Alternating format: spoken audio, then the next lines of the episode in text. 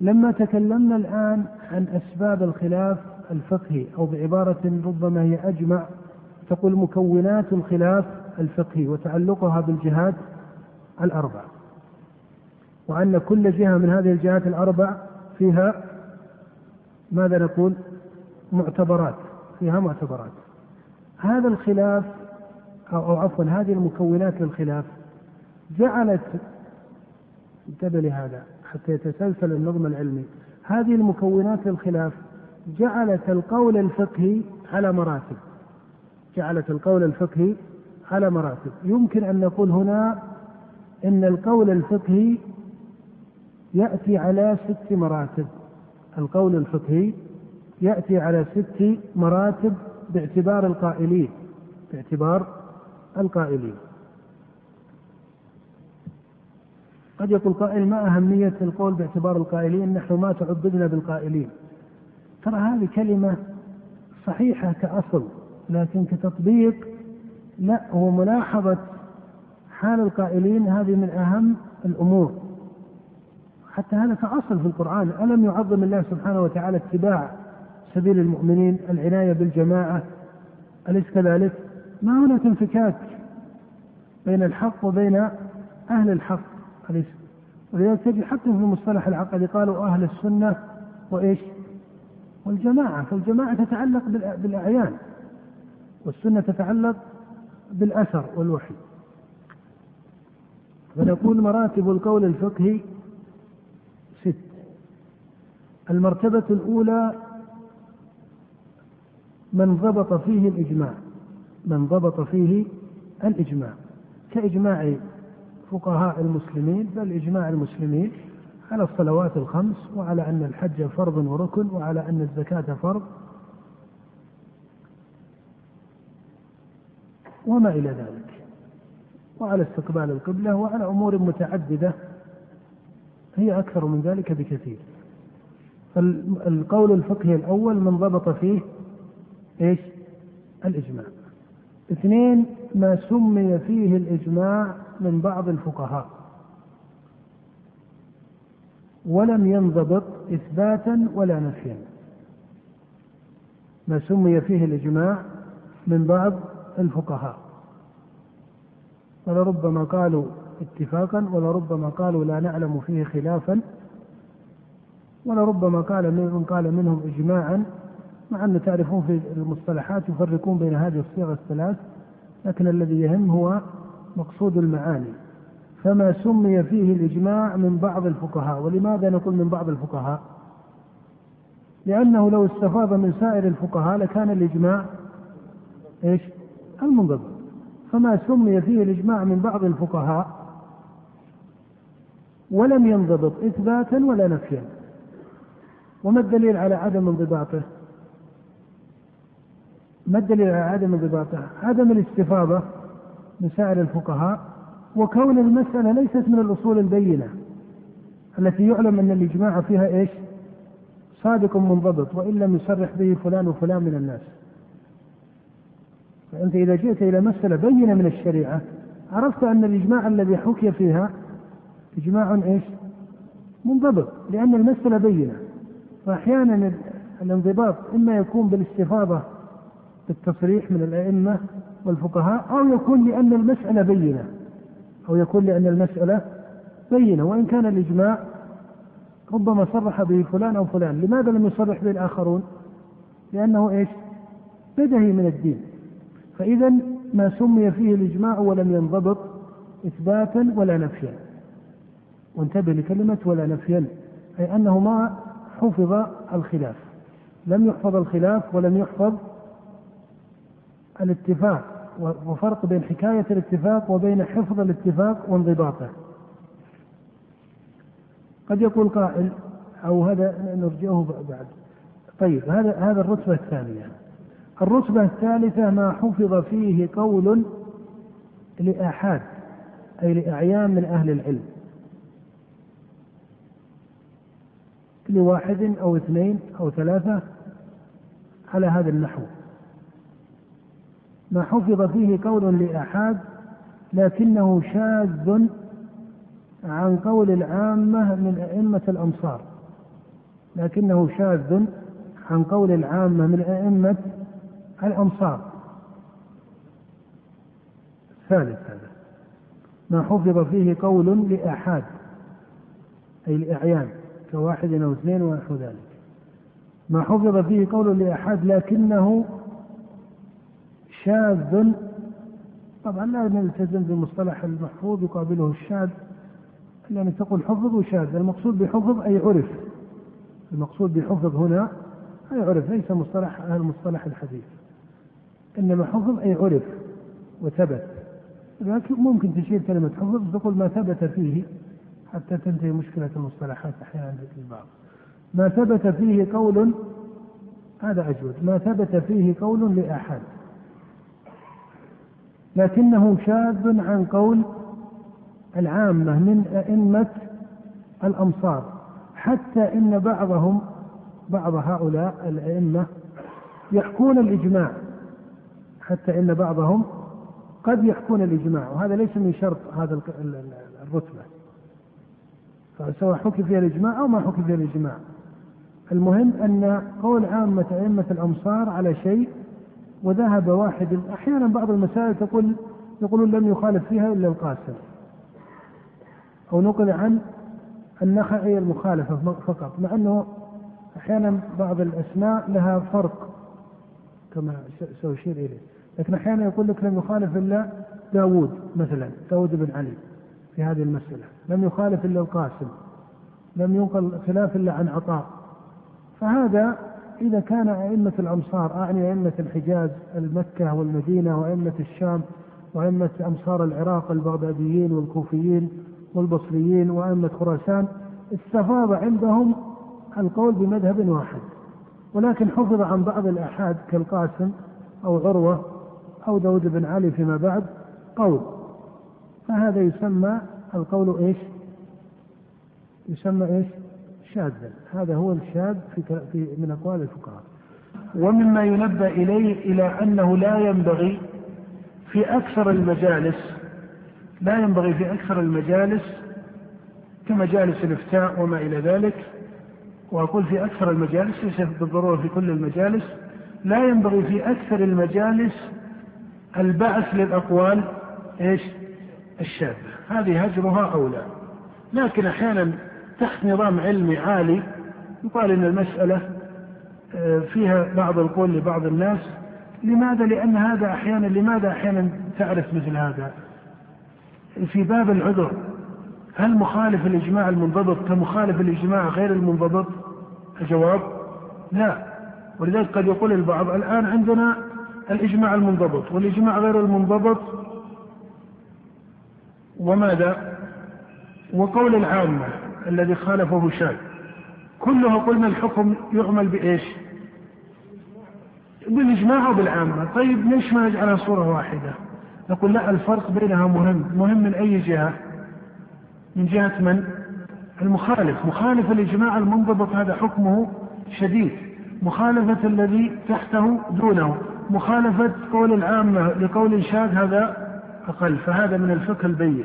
ولذلك من الفقه ابن المبارك أنه يقول إني لأسمع الحديث فأكتبه وما بي أن أعمل به ولا أن أحدث به. لماذا؟ هو لا يرى هذا الحديث لكن كتبه. يقول إني لأسمع الحديث فأكتبه وما بي أن أعمل به ولا أن أحدث به. ولكن أجعله عدة. إن عمل به أحد من أصحابي قلت عمل بإيش؟ بحديث. فنظام العذر هذا نظام فقهي. هذا نظام العذر نظام فقهي في الإسلام. فهذه الدرجات لهذا المعنى. الرتبة الرابعة ما حفظ إذا قلنا في الرتبة الثالثة ما فيه قول أو ما ثبت فيه قول لأحد لكنه شاذ عن قول العامة من أئمة الأمصار حتى إن بعضهم قد يحكي الإجماع على خلاف هذا الشاذ حتى إن بعضهم قد يحكي الإجماع على خلاف هذا الشاذ الرابع ما حفظ فيه قول بين ولا تقل شاذ بل تقول قول إيش؟ بين إما لمذهب أو مصر. إما لمذهب أو مصر.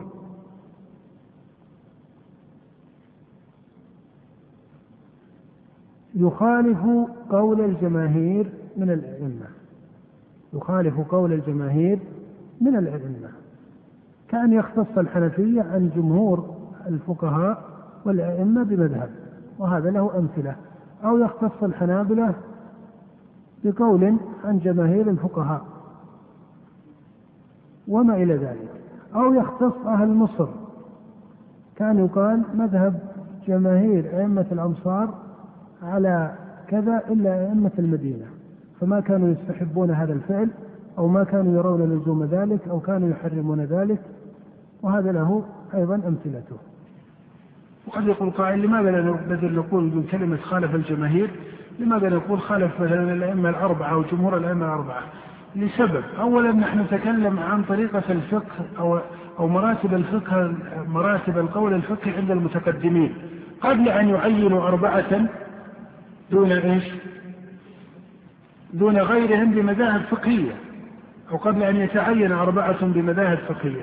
لما كان هؤلاء الأربعة آه، مع علو درجتهم لكن كان مثلهم من أصحابهم إيش؟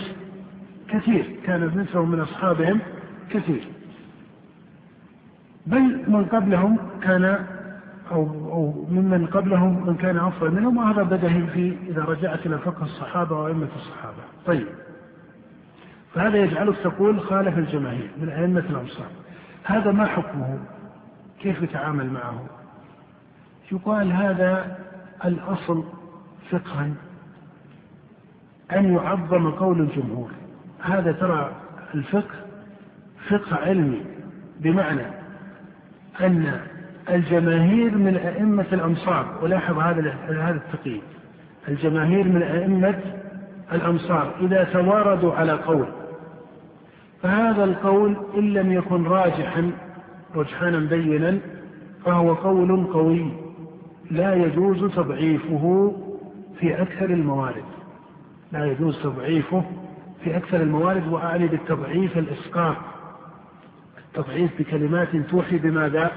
بإسقاطه كما قد سنعبر فيما بعد. مثل البعض من طلاب العلم تجده يقول عن هذا القول وأما القول الثاني وهو قول الجماهير من أئمة الأمصار فهذا قول لا دليل عليه.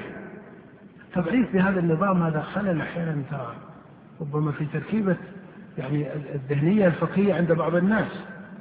إذا توارد أئمة الأمصار رأيت كبار المحدثين ورأيت كبار الكوفيين في فقه الكوفة ورأيت أئمة من أئمة المدينة كمالك ومن قبل مالك بن المسيب ورأيت من أئمة مكة عطاء وأمثال توارد أئمة الأمصار على حكم. فهذا كما يقول ابن تيمية يقول الشيخ الإسلام إني استقرأت المسائل أو نظرت مسائل الشريعة فإذا القول الذي عليه جمهور الأئمة هو الصواب في الجملة. يقول شيخ الإسلام رحمه الله هذا فقه الاستقراء كما قلنا. يعني أنت ما عندك نظام رياضي الآن يثبت ليش قول الجمهور هو الصحيح أو ليس هو الصحيح. يقول ابن تيمية إني استقرأت مسائل الشريعة. فإذا القول الذي عليه جمهور الأئمة هو الصواب في الجملة ثم علله بتعليل شرعي وهو عقلي من جهة. يقول لأنه يتعذر في الجملة أن يخفى الصواب من السنة والهدي على جمهور أئمة من؟ أئمة الأمصار ما بين الفقهاء وما بين إيش؟ محدثين فإذا رأيت جمهورهم قد تواردوا فهذا لا بد أن يكون له إكبار ولا يتخطى إن صح التعبير لا تتخطى الرقاب إلا إلى فرجة أليس يقولون في الجمعة إن المأموم لا يتخطى الرقاب إلا إلى إيش؟ لا تتخطى رقاب الأئمة إلا حيث رأيت فرجة بينة. هذا الفرجة البينة من يشاهدها؟ أنا في نظري أن هذه لا يشاهدها الآحاد من المبتدئين في طلب في طلب العلم. هذه يصل إليها من وصل إلى درجة من العلم والفقه والسعة في النظر والتتبع. لماذا؟ حتى لا تلتزم بنظرية مقابلة. وهي نظرية الإلزام بقول الجمهور. الإلزام بقول الجمهور ما عليه دليل. وليس هناك دليل لا من الكتاب ولا من السنة أنه يلزم العمل بقول الجمهور. والدليل على هذا أن بعض الصحابة خالف جمهور الصحابة وما أنكر عليه. بعض الصحابة خالف جمهور الصحابة وماذا؟ وما أنكر عليه. وهذا الإمام المعين إذا قلت أنه خالف الجماهير فلو كانت مخالفة الجماهير ممنوعة لأنكروا إيش؟ لأنكروا عليه. هل نقل أنهم أنكروا على فلان وفلان لماذا خالف الجماهير؟ لا. كانوا يحفظون أقوالهم لكنهم قد لا يعملون بها.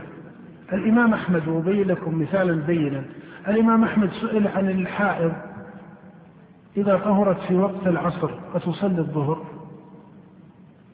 أما أنها تصلي العصر فهذا إيش؟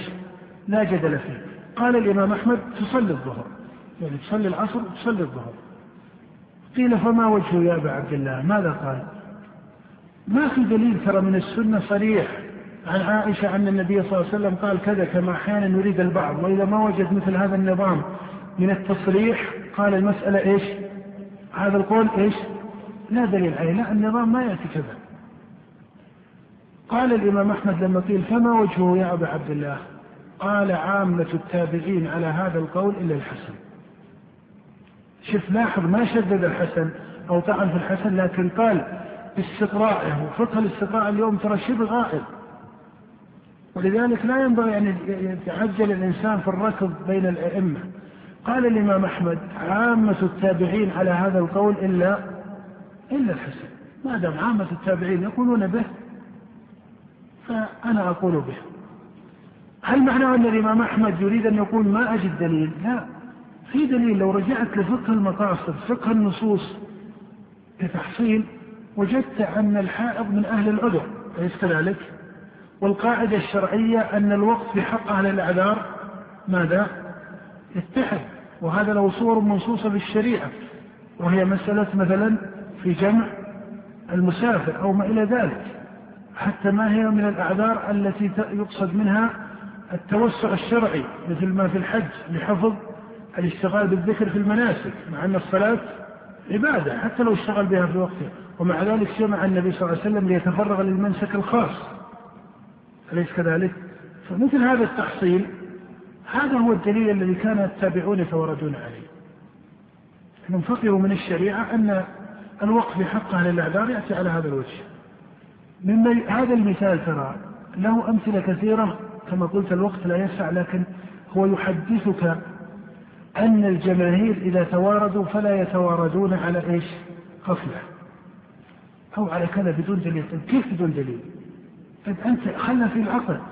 كيف الجمهور يذهبون إلى قول ويعزمون به بدون دليل؟ المقدمات التي عندك ما هي عندهم؟ أما تقول أنهم متعبدون بالحق لا بأقوال الرجال هذا الموضوع ما له علاقة هنا. لأن هالرجال الذين تتكلم عنهم هم أئمة الإسلام. هؤلاء ما يقصدون ماذا أيضا؟ أن يتعبدوا برجال وأن يتركوا الحق. فأقول إذا كان القول عليه الجماهير من أئمة الأمصار فهذا يعظم شأنه. ولا ينبغي أن تتخطى رقاب الأئمة إلا إلى فرجة وهذه لا تكون إلا من عارف بقي هل معناه أن قول الجمهور ملزم؟ الجواب قول الجمهور ليس بملزم فالمجتهد يجتهد بغير كما حصل من الصحابة أن اجتهد بعضهم بما خالف جمهورهم في بعض المسائل كما حصل من الأئمة الذين نحكي هذا وإلا كان ما وجد عندنا صورة لقول خالف من؟ لو كان هذا ممنوعا لوجدت عندنا هذه الصورة أو لم توجد؟ لم توجد لأنكرت عند السلف وأصبحت من البدع والمحدثات التي ترد لكن المخالفة تكون بوجهين إما أن المخالف يكون من أهل العلم والاعتبار في العلم فيجتهد من من هذا فيجتهد بخلاف قول الجمهور أي فيأخذ بالقول البين لمذهب أو مصر وهذا لا جدل فيه وهذا شأن واسع أحيانا بعض فروع الحنفية خلاف قول الجمهور بعض فروع الحنابلة خلاف قول الجمهور بعض فروع المالكية وكذلك الشافعية ومع ذلك هناك فقهاء كثير يأخذون بهذه الفروع التي تخالف ماذا؟ الجماهير فهذا فيه سعة على مثل هذا التقدير. أو أحيانا البعض من العامة أو المبتدئين ربما قلد شيخه الذي هو بين يديه فسأله عن مسألة فأفتاه بخلاف قول الجمهور. لكن إذا أردت نظام الإفتاء العام أو أردت نظام الإفتاء العام بمعنى إفتاء العوام من الناس أو أردت مسألة البحث العلمي فهنا يترفق إذا خولف إيش؟ على المتكلم أن يترفق في اللغة والتعبير وأشياء كثيرة إذا خالف قول الجمهور. لعل المقصود الذهني وصل الخامس ما تكافأ فيه الخلاف بين أئمة الأمصار. وهل العلم بالتكافؤ هنا يقيني؟ الجواب لا. المقصود بالتكافؤ أنه ليس لا يوجد جمهور وإيش؟ ومن دونهم. وإنما اشتهر فتجد أن العراقيين مختلفون وتجد أن المحدثين إذا فتشت في مذاهبهم وجدت أن أحمد يخالف إسحاق بن إبراهيم. أليس كذلك؟ مع أن هذا وهذا من المحدثين. فتجد أن المحدثين يختلفون أن أئمة العراق يختلفون أن أئمة الأمصار يختلفون. تجد أن الخلاف شاع واشتهر ولم ينضبط فيه مذهب للجمهور فضلا عما هو فوق ذلك. فهذا نسميه إيش؟ ما تكافأ فيه أو ما تكافأ فيه الخلاف بين أئمة الأمصار. هذا هو الدرجة الخامسة. الدرجة السادسة وأنت حاول أن تميز إلى الدرجة الخامسة إلى الدرجة الخامسة أقول تميز كل درجة بما إيش؟ بما قبلها فإذا كان للجمهور فهو من الدرجة الرابعة وإذا كان ليس للجمهور بل للعامة فهو من الدرجة الثالثة. وإذا كان ليس للعامة بل لا لم يثبت قول بالخلاف فهو من الدرجة الثانية وإذا كان منضبطا فهو من الدرجة الأولى. فهذا إذا اشتهر الخلاف واشتد كاختلافهم مثلا في الحجامة. أيفطر الصائم بالحجامة أو إيش؟ أو لا يفطر. هذا إذا استقرأت المسألة وجدت أن أئمة الأمصار هناك تكافؤ. إذا رجعت لبعض المصنفات وجدت أن الخلاف شائع في العراق في الحجاز في الشام وما إلى ذلك. ووجدت أن المسألة ظواهر الأدلة أيضا فيها إيش؟ إذا جئت حديث شداد بن أوس أفطر الحاجم والمحجوم وهو أقوى ما يعتمد عليه من يجعل الحجامة مفطرة للصائم وجدت عليه من الإشكالات في بعض مسائل الثبوت أحيانا أو مسائل في فقه المتن. ما معنى أن الحاجم يفطر؟ إذا كان المحجوم يفطر للضعف ولعلة هل هذا من باب التعبد؟ هل يقطع الصوم بمحض علة تعبدية لمثل هذا الوجه؟ أليس الأصل في المفطرات أنها مبينة العلة؟ يأتي مثل هذه السؤالات. وإذا جاءت الدليل المقابل وجدت أن المسألة فيها تكافؤ. إذا تكافأت الأقوال ولعل من مثالها تحية المسجد في وقت النهي حتى أن ابن تيمية كان في الأول على المذهب ثم رجع إلى مذهب الشافعي في آخر عمره وذكر نظرية العام المخصوص والعام المحفوظ في تطبيق الاستدلال. حتى إن الشوكاني يقول إني تردد إنه تردد في هذه المسألة في جزء له تكلم فيه على المشتبه من العلم وحتى قال كلمة غريبة قال لعله قد يكون من الانسب ان الإنسان ما يحرص على دخول المسجد وقت النهي. هذا طبعا ليس حلا لكن يبين لك أحيانا درجة ماذا؟ التردد.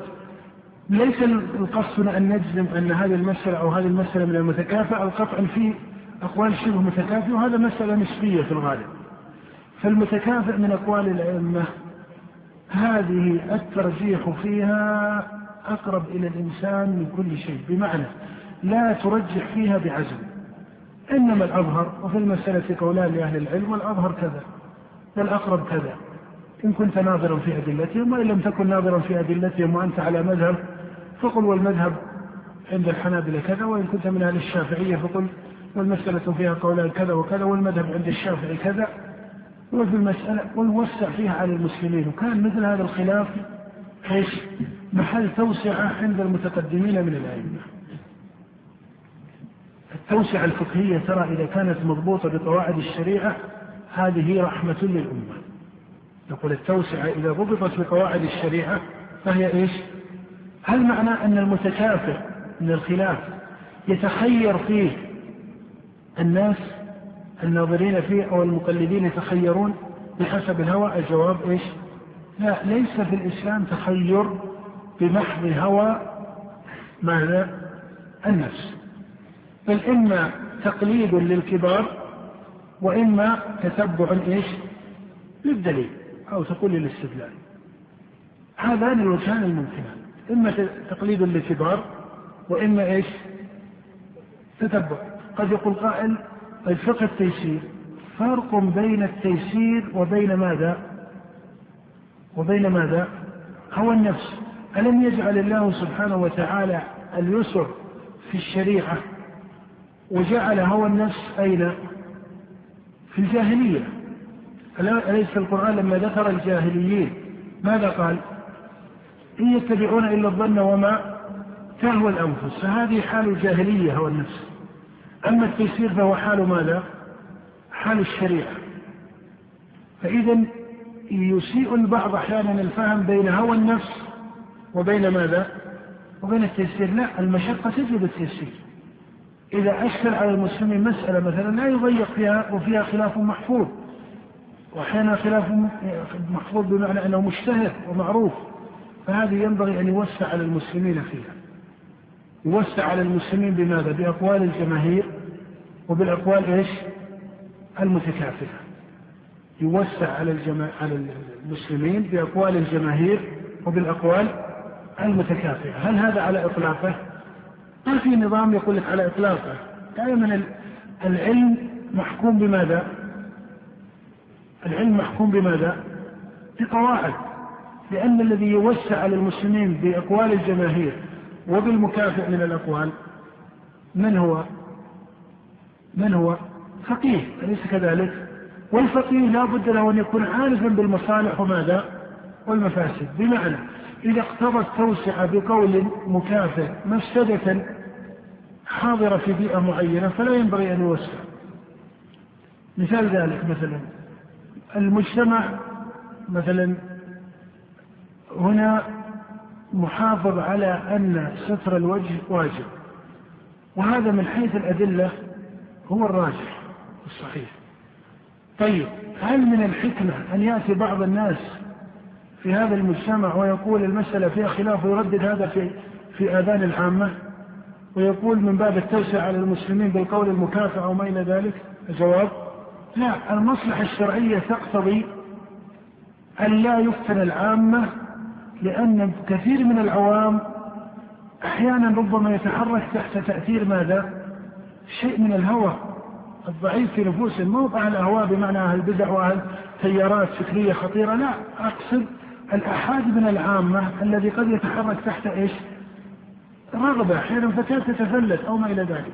ففقه المصالح والمفاسد هذا يقصر بعض الناس عن التحديث ببعض الخلاف. وهذا ما جعل علي رضي الله تعالى عنه يقول حدث الناس بما يعرفون. كما قال ابن مسعود ما أنت محدث قوما حديثا حديثا لا تبلغه عقولهم إلا كان لبعضهم فتنة.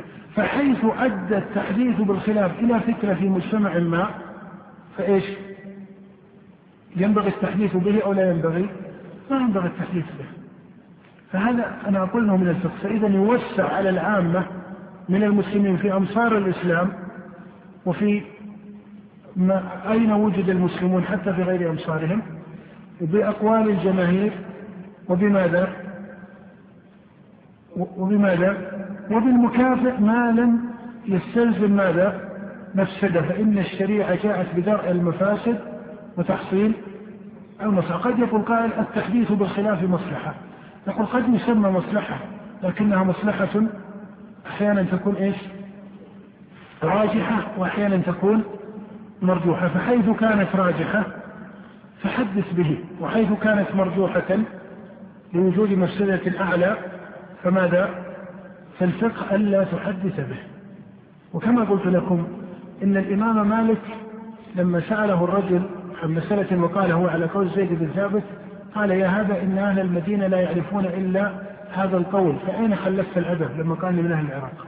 الإمام أحمد رحمه الله وهو الإمام أحمد على ما عرف به من الزهد والعبادة والورع وما إلى ذلك سأله سائل عن مسألة في الطلاق فأفتاه الإمام أحمد أنها تطلق فلما رأى أن الرجل كأنه انصدم كأنه إيش؟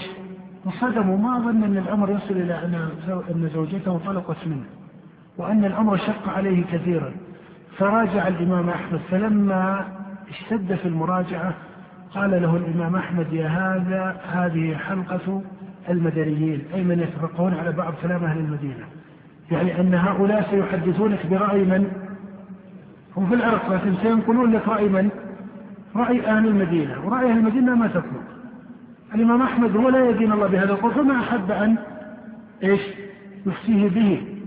فقال يا هذا هذه حلقة المدنيين يعني اذهب إليهم سيفتونك دخل الإمام أحمد في مجلس أو في دار في دار بعض أصحابه. فوجد النبي في طرف الدار. فقال له بعض الأصحاب بعض التلاميذ اللي مع الإمام أحمد يا أبا عبد الله هذا النبي. يعني أنكر على الرجل. فقال الرجل سلطان في داره. الكوفيون يفعلونه تدينا. يعني فقهاء الكوفة أحلوا النبيذ وأحلوا شربه ويرون أنه ما أحل الله فالدين أحله عندهم. فلاحظ الرجل سلطان إيش؟ في ذلك هذه مقدمة أساسية في الأخلاق العلمية. فإذا هذا الفقه هو الذي نقصده. أن المسلمين إذا قيل أي يوسع عليهم قيل يوسع عليهم بماذا؟ لا بالشاذ. والمنكر وإنما بالأقوال المعروفة تحت قاعدة المصلحة. السادس حتى تستكمل الحقيقة العلمية ولا أقول التقسيم العقلي حتى نستكمل الحقيقة العلمية. ما لم ينضبط فيه وجه مما سبق ما لم ينضبط فيه وجه مما سبق من فروع الفقهاء المتأخرين. التي جمهورها لضبط رأي المذهب ما لم ينضبط فيه وجه مما سبق ما لم ينضبط فيه وجه مما سبق وهذا مورده عند الفقهاء المتأخرين وجمهوره لضبط رأي المذهب. وجمهوره لضبط رأي المذهب. طبعا انتبهوا لهذا. لسنا نريد هنا أن نقول إن ما في كتب الفقهاء المتأخرين هو من القسم إيش؟ السادس. لا ما في كتب الفقهاء المتأخرين منه مسائل من القسم الأول أليس كذلك؟ والثاني والثالث والرابع والخامس والسادس أو أو تقول إلى الخامس. لكن في كتب الفقهاء المتأخرين وخاصة الكتب التي عنيت بتحرير المذهب. الكتب التي عنيت بتحرير المذهب. هذا في كل المذاهب الأربعة. الكتب التي عنيت بتحرير المذهب تجد أنه يغلب على أو يكثر فيها القسم إيش؟ السادس. فأنت إذا جئت المغني لأبي محمد ابن قدامة رحمه الله وجدت أنه يذكر الخلاف ويذكر أن في المسألة ثلاثة أقوال ويذكر استدلال المذهب هنا تأخذ منه أمورا تتعلق إما بالقسم الأول أو الثاني أو الثالث أو الرابع أو الخامس. لكن إذا جئت الكتب التي عنيت بتحرير المذاهب مثل الإنصاف واضح؟ مثل الفروع. طبعا الفروع عند ابن مفلح رحمه الله يذكر المذاهب أليس كذلك؟ وإن كان له طريقة رمزية بحروف معينة يرمز بها إلى إلى الخلاف وإلى المذاهب الأربعة فهو يذكر لك ذلك. لكن أحيانا ينصرف إلى تنبيهات يعين بها التحرير للمذهب. أو تجد ذلك أحيانا في متون بعض المذاهب المتون التي رسمها المتأخرون. فمثلا يعني تجد أنه من أسطر متون الفقه عند المتأخرين مثلا لما يقول بعض الفقهاء ولا يرفع حدث رجل طهور اللي هي القيود هذه. ولا يرفع حدث رجل طهور يسير خلت به امرأة لطهارة كاملة عن حدث. لاحظ التقييدات. هذا تحرير إيش؟ هذا لتحرير ماذا؟ القول. فيقول ولا يرفع حدث رجل فأخرج بكلمة رجل إيش؟ المرأة. ولا يرفع حدث رجل طهور يسير. فخرج باليسير ماذا؟ الكثير. خلت به امرأة.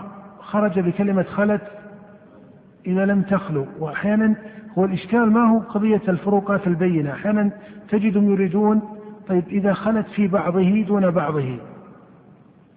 كما لو خلت في نصف الطهارة دون النصف الآخر. فهل يقال خلت أو يقال إيش؟ ليس كذلك. خلت به امرأة لطهارة كاملة. بخلاف الطهارة ليست الكاملة وهذا ما يتعلق بكمال اختلائها به أو عدم ذلك. لطهارة كاملة عن حدث فخرج بقوله عن حدث أنه إيش؟ كما لو كانت المرأة ليس عن حدث بل عن تجديد أو لتجديد الطهارة. هذه القيود في هذه الجملة. بعضها لتعيين القول لأنكم تعرفون هل المرأة إذا خلت بالماء لطهارة هل الرجل يتطهر أو لا يتطهر؟ هذه المسألة خلاف بين الأئمة موجود أو ليس موجودا. المسألة خلافية موجودة هي من المراتب الأولى ما هي من الطرف السادس. لكن الذي أقصده أن بعض هذه القيود ذكرها الماتن لتمييز القول عن القول الآخر. لكن بعض القيود تذكر من باب تحرير المذهب تحت اجتهاد معين تحت اجتهاد معين مثل الطهارة الكاملة والطهارة غير لو خلت به لطهارة غير كاملة. هذا في تردد في المذهب. فأحيانا هذا هو المقصود ترى من ذكر المسألة وإلا أصل المسألة كمسألة فقهية معروفة عند السلف. هذه التقييدات التي تراها في الفقه أحيانا يختلفون في رأي الإمام أحمد وتحريره فتجد أن لهم روايات متعددة في التحرير. هل هو يشترط كذا أو لا يشترط كذا في تحرير المذهب؟ هذا فقه. لسنا ننقص منه أو نتنقص منه. نقول هذا فقه. ولكن العناية بالرتب الأولى إيش؟ أولى. العناية بالرتب الأولى أولى. أن يعنى طالب العلم بالإجماع بما قارب الإجماع بما عليه العامة في استيعابه بما عليه الجماهير بما اشتهر من الخلاف. أما أن تكون أكثر العناية تنصب على القسم السادس فهذا هو الذي لا يفضل شأنه. هذا هو الذي لا يفضل شأنه. وأما أنه يحتاج إليه في بعض المسائل لتحريرات مقصودة فهذا باب آخر. وأنت تعلم أنه ليست المشكلة الأكبر أنه ما هو بالضبط المذهب الحنبلي أو ما هو بالضبط المذهب الشافعي عند الشافعي. هذا شأن في كثير من الساعة. بمعنى أنك لو قلت إن من ضبط من أقوال الإمام أحمد تنسب إليه وما لم ينضبط يقال عنه روايات في المسألة والعبرة بدراسة المسألة كأقوال فقهية وأدلة عامة لكان هذا المسلك أكثر سعة وأكثر رحابة وأكثر يقينية لأنه مهما رجحت داخل المذهب وفي المسألة خلاف قوي في ضبط المذهب فأنت لن تنتهي إلى شيء إيش؟ لن تنتهي إلى شيء إيش؟ قاطع. لكن إذا قلت إن عن الإمام أحمد أكثر من رواية أليس هذا حكم أكثر يقينية؟ أيهما أكثر هو أو الجزم؟ تحت خلاف مشهور في المذهب بوجه واحد. لما تقول إن هنا أكثر من رواية فهذا أكثر اتساعا وقبولا. التفريع للمسألة بالعوارض مثلا غسل الجمعة أهو واجب أم مستحب؟ فتجد أن بعض أهل العلم يقول غسل الجمعة فيه ثلاث أقوال. أنه واجب أنه مستحب. القول الثالث هو الصحيح الذي عليه المحققون وهو القول الوسط. شوف النظم هذه ترى تروق لكثير من الناس. وسط يعني بين الاثنين لا ما هو هذا الوسطية الشرعية؟ وهو الوسط أنه إن كان به رائحة شديدة يتعدى من الناس وما إلى ذلك فيجب وإلا فلا يجب. هذا حقيقته هو قول من؟ هو قول من؟ الجمهور الجمهور لما قالوا أن غسل الجمعة ليس واجبا هل أرادوا غسل الجمعة في حق من به رائحة يتعذى المسلمون حتى إنهم يكرهون المجالسة له وما إلى ذلك؟ هم يتكلمون عن أصل الحكم. هل الإمام أحمد والشافعي ومالك وأبو حنيفة لما قالوا غسل الجمعة ليس واجبا هل هؤلاء مثلا إذا سئلوا عن رجل به هذه الرائحة الشديدة سيقولون أيضا ليس واجبا؟ لا. إذا أنت قيدت بعالم هذا الفقه يستعمله البعض. هذا فقه يستعمله البعض كتنبيه. حتى لا يفهم قول الجمهور على الخطأ هذا لا بأس. لكن أن تتحول هذه إلى أقوال ثالثة وتكون هي الأقوال الوسط وهي الأقوال التي عليها المحققون أنا أدري أن هذا ذكره شيخ الإسلام رحمه الله ابن ذكره بعض المحققين. يذكرونه من باب التنبيه لا من باب ماذا؟